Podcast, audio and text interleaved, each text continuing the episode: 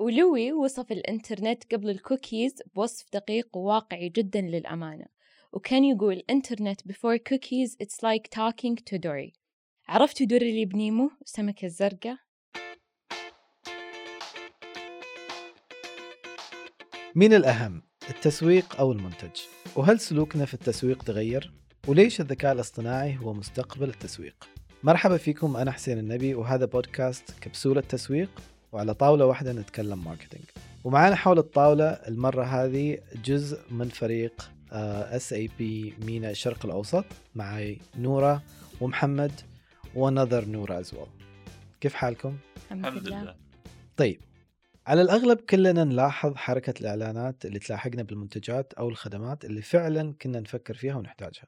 بعيدا عن النظريات اللي تقول أجهزتنا تسمعنا أو تتجسس علينا لأنه الموضوع بكل بساطة كلنا قاعدين نزرع بياناتنا في كل مكان في المواقع في الإيميلات على محركات البحث وأغلبها تكون متاحة نشاركها سواء مع جوجل أو غيرها ومع المسوقين في منصات معينة تستخدم لتحليل سلوك العميل. وهذه كلها تحت مسمى تحليل البيانات في السوق. أسلوب ظهور الإعلانات اللي فعلا تناسب حاجتنا هذا يعرف بأسلوب إعادة الاستهداف أو ال retargeting وتتم باستخدام تقنية الكوكيز وهي ملفات تخزن بيانات الزوار للمواقع. وهذا هو موضوع حلقتنا اليوم البيانات والتسويق. فخليني أسألكم أول سؤال وبسألك أنت يا نورة. هل تتوقعي أنه الإعلانات المستهدفة اللي تستخدم البيانات هل تتوقع أن هي تتعدى خصوصية المستخدم؟ نتكلم عن الخصوصية نتكلم عن شركة أبل وعن الميزة الجديدة اللي طرحتها للمستخدمين. مين منا حضر مؤتمر المطور العالمي؟ اللي أعلنت فيه شركة أبل عن إضافة ميزة عن الخصوصية لنظامها ال iOS 14 الإعلان كان في يونيو 2020 وفي سبتمبر 2020 أيضا أعلنت أبل أنه هذه الميزة متاحة لنظامها iOS 13 الميزة عبارة عن إذن تصريح من المستخدم لحماية الخصوصية.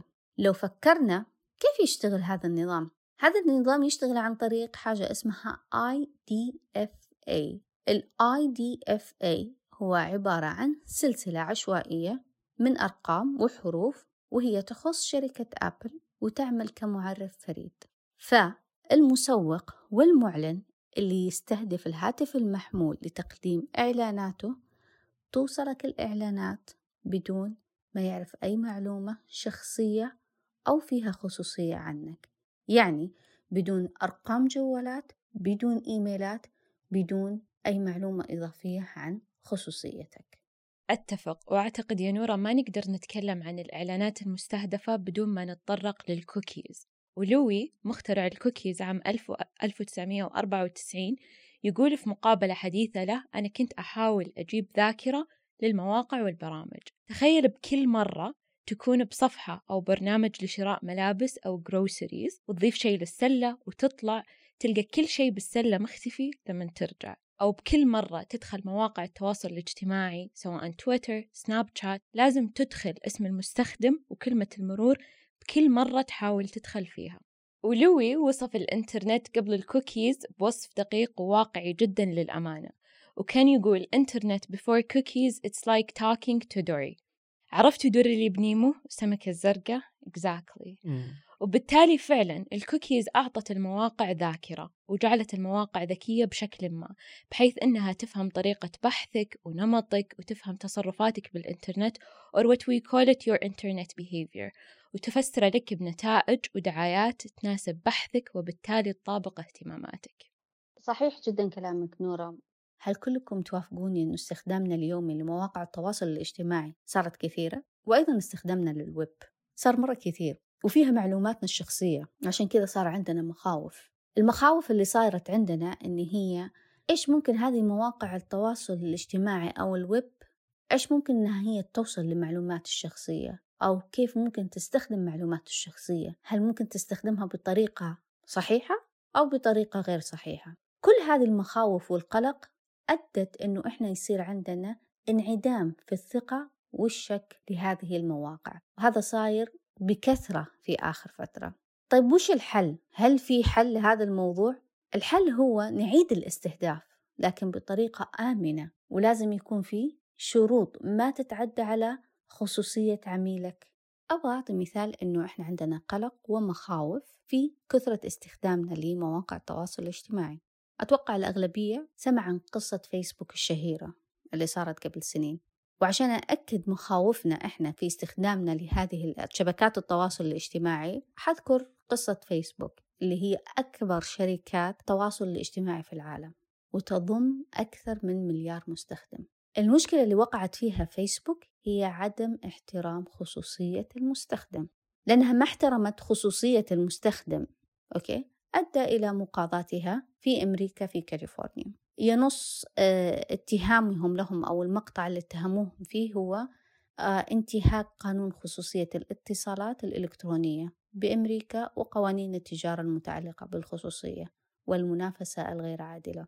وهذا نظام في أمريكا في مقاطعة كاليفورنيا. بعطيكم مثال ثاني عن واحدة من شركات الويب اللي إحنا دايما نستخدمها. أتوقع الكل يستخدمها سواء كانوا صغار كبار موظفين غير موظفين الكل يستخدم محرك البحث جوجل. جوجل في نوفمبر 2013 إذا أنت كنت تكتب comment في جوجل تعليق أو إذا أنت كنت مثلا تحط صور في يوتيوب في قنوات معينة okay؟ كان ممكن تشوف تعليقك وتشوف الصور في أي إعلان عبر أي موقع ثاني أنت ممكن تشوفه. طبعا هذا أدى إلى انتهاك خصوصية المستخدم أيضا. بس جوجل عشان تحمي المستخدمين عملت على وضع خانة إنه في حال لم ترغب في إنه تعليقاتك your comments اللي اللي صارت ما تروح لأي أحد ثاني إنك جالس تضغط على هذا اللينك وما راح توصل معلوماتك لأي جهة أخرى. وهذه كانت حركة ذكية. طيب جميل الحوار. وهذا يبين إنه في عندنا كمية بيانات كبيرة موجودة في ال cyber space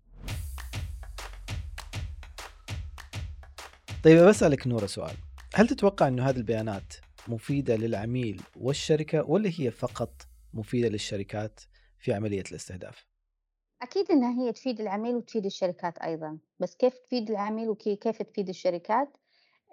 تفيد الشركات بموضوع الاستهداف وكيف تفيد العميل إنها سهلت البحث عن طريق الإنترنت. وكمثال عن طريقة العميل كيف يقدر يستفيد في في وجود البيانات. إذا شخص راح ودخل على جوجل وكتب عن منتج معين هو يبحث عنه حيطلع له أشياء كثيرة مرادفة. يعني مثلا لو بحثنا عن ناخذ مثال شخصي مريت أنا فيه خلال ما كنت أبحث عن سيارة. دخلت على جوجل وكتبت عن ماركة نيسان وكنت أدخل مواقع نيسان وأشوف الأوفرات اللي موجودة. بعدها بشوية سكرت اللابتوب آه رحت الدوام وصلت الدوام فتحت جهازي بديت أشتغل شوية بعدين دخلت على لينكدين أبحث عن كم شغلة في تخص العمل. فجأة ألاقي إعلانات نيسان موجودة عندي في آه في اللينكد إن تتحدث عن عروض الموجودة عن آه عن نيسان وعن هي عروض الأقساط عروض كثيرة مسويتها نيسان في هذه الفترة. وبعد فترة فتحت الإنستغرام ألاقي عروض ماركات أخرى من السيارات أيضا موجودة عندي إنه بحيث إنه تتسهل عليك الأمور بإنك أنت تشوف من من أوبشن إلى أوبشن آخر. هذه بالنسبة لفائدة العميل. بالنسبة للشركات لو نرجع إلى 2019 ما كان كثير استخدام النت أو بطريقة مكثفة موجود. آه لكن بسبب كورونا صار الموضوع إجباري لكل الشركات أنها هي تتجه إلى إعلانات ال social media.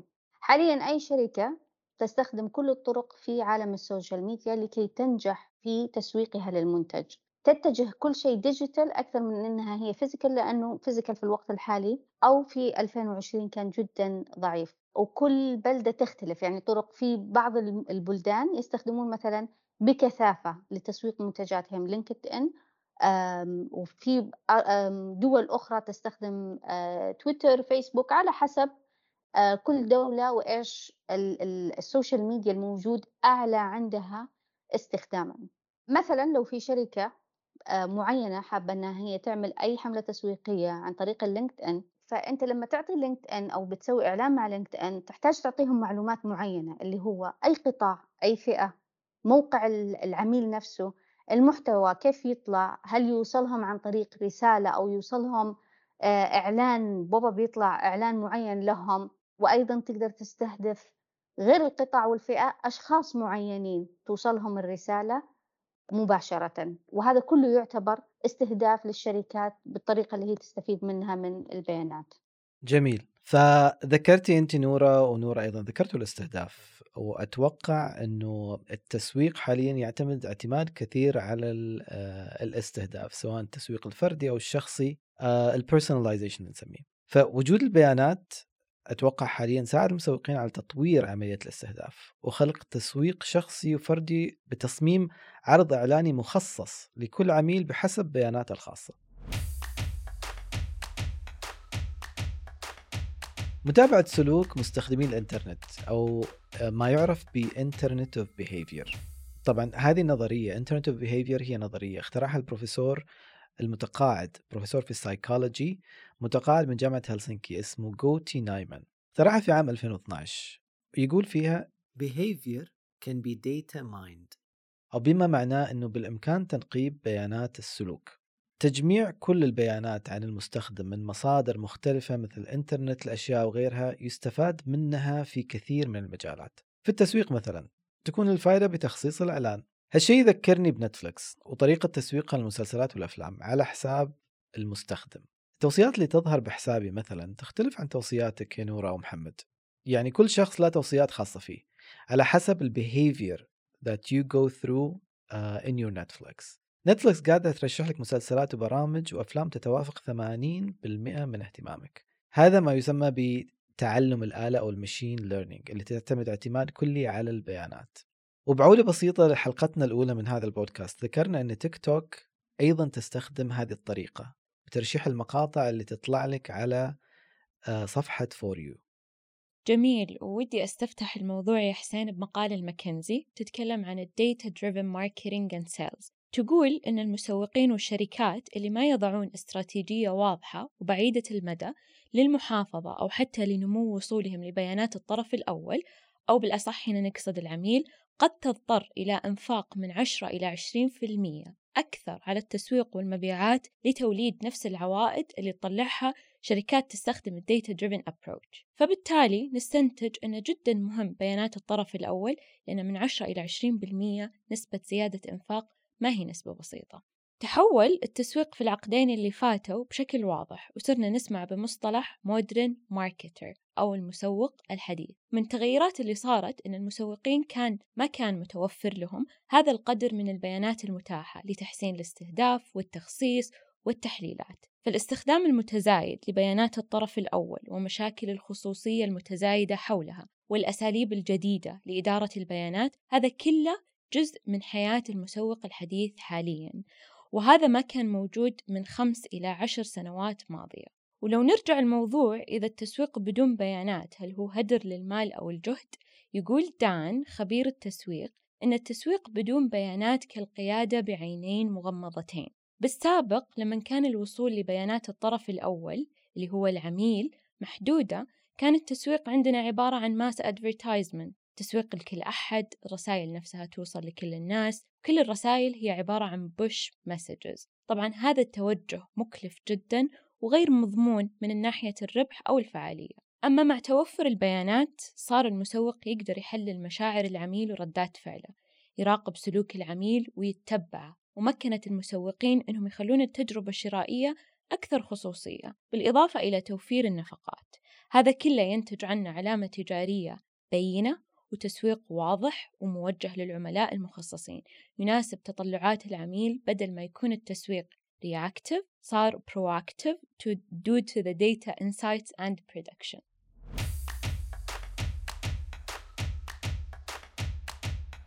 يعني من خلال حديثنا حاليا صرنا نقول إنه في كثير من البيانات متواجدة إنه إحنا بنفسنا نشارك فيها. وهذا يرجع لبحث برضو يقول إنه حجم البيانات الضخمة اللي قاعد يتشاركها العالم حاليا يقدر ب 33 زيتا بايت.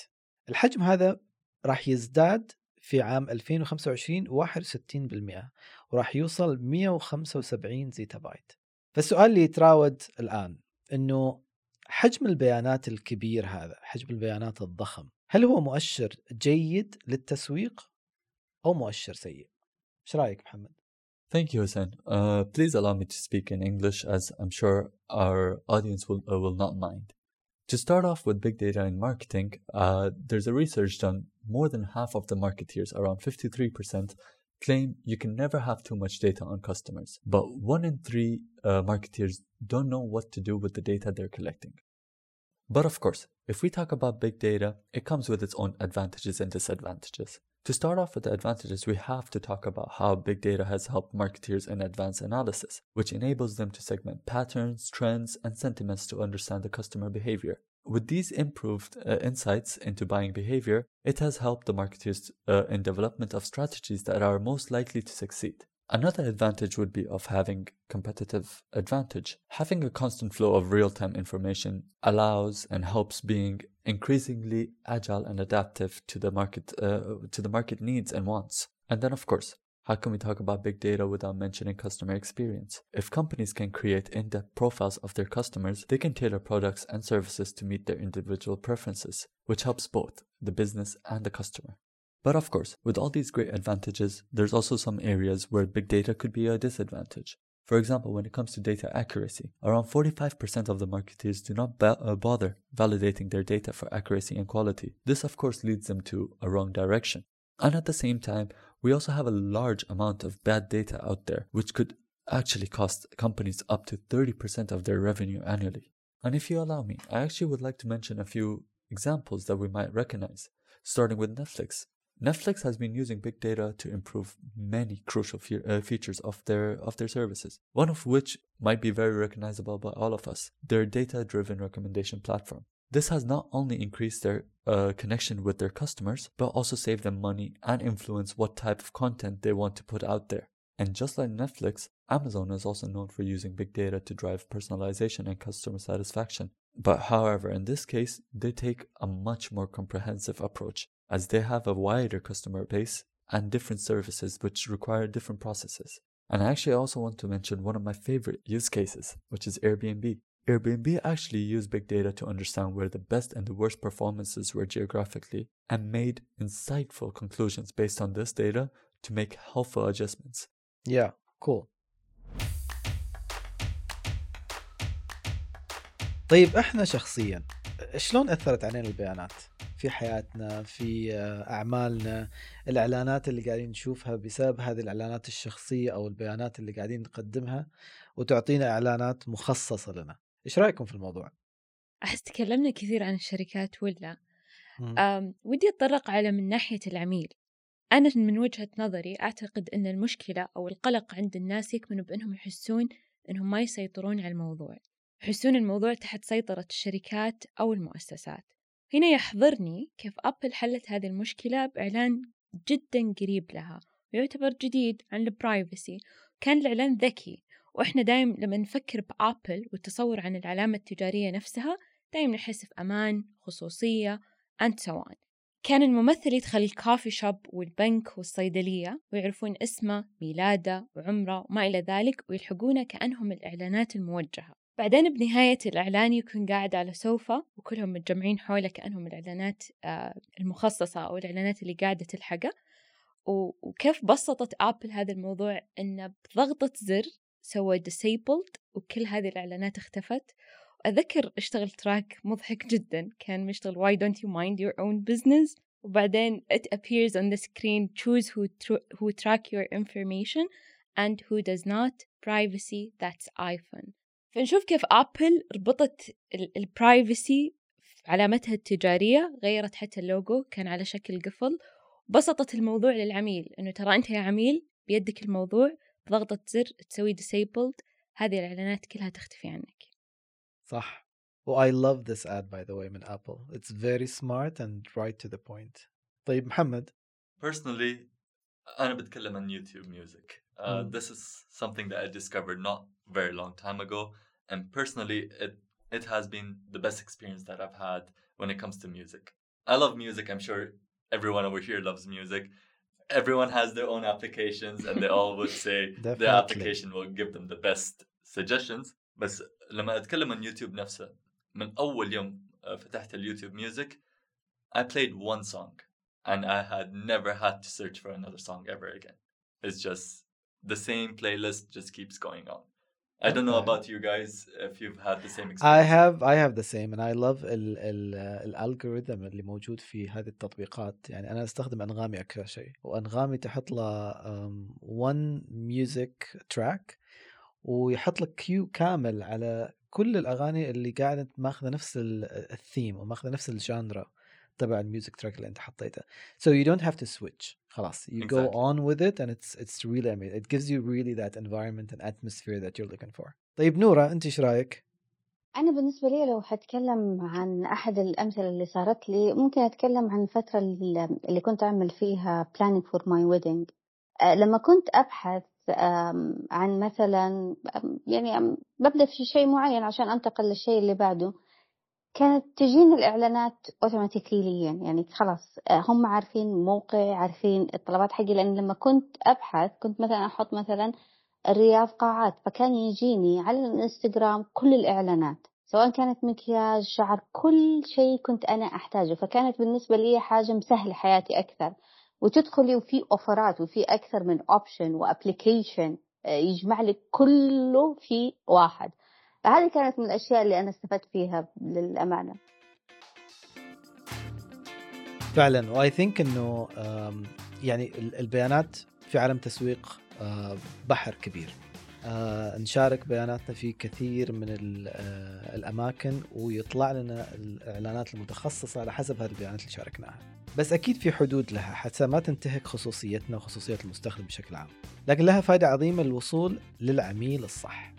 الحوار كان جدا جميل معاكم. فثانك يو نورة ومحمد ونورة آه، على المعلومات الغنية اللي شاركتوا فيها. وشكرا لكم أنتم اللي استمعتوا معنا لهذه الحلقة. انتظرونا الحلقة القادمة ما زال عندنا الكثير في جعبتنا. لا تنسوا الاشتراك وتقييم البودكاست على المنصة اللي أنتم تسمعونا فيها. في أمان الله.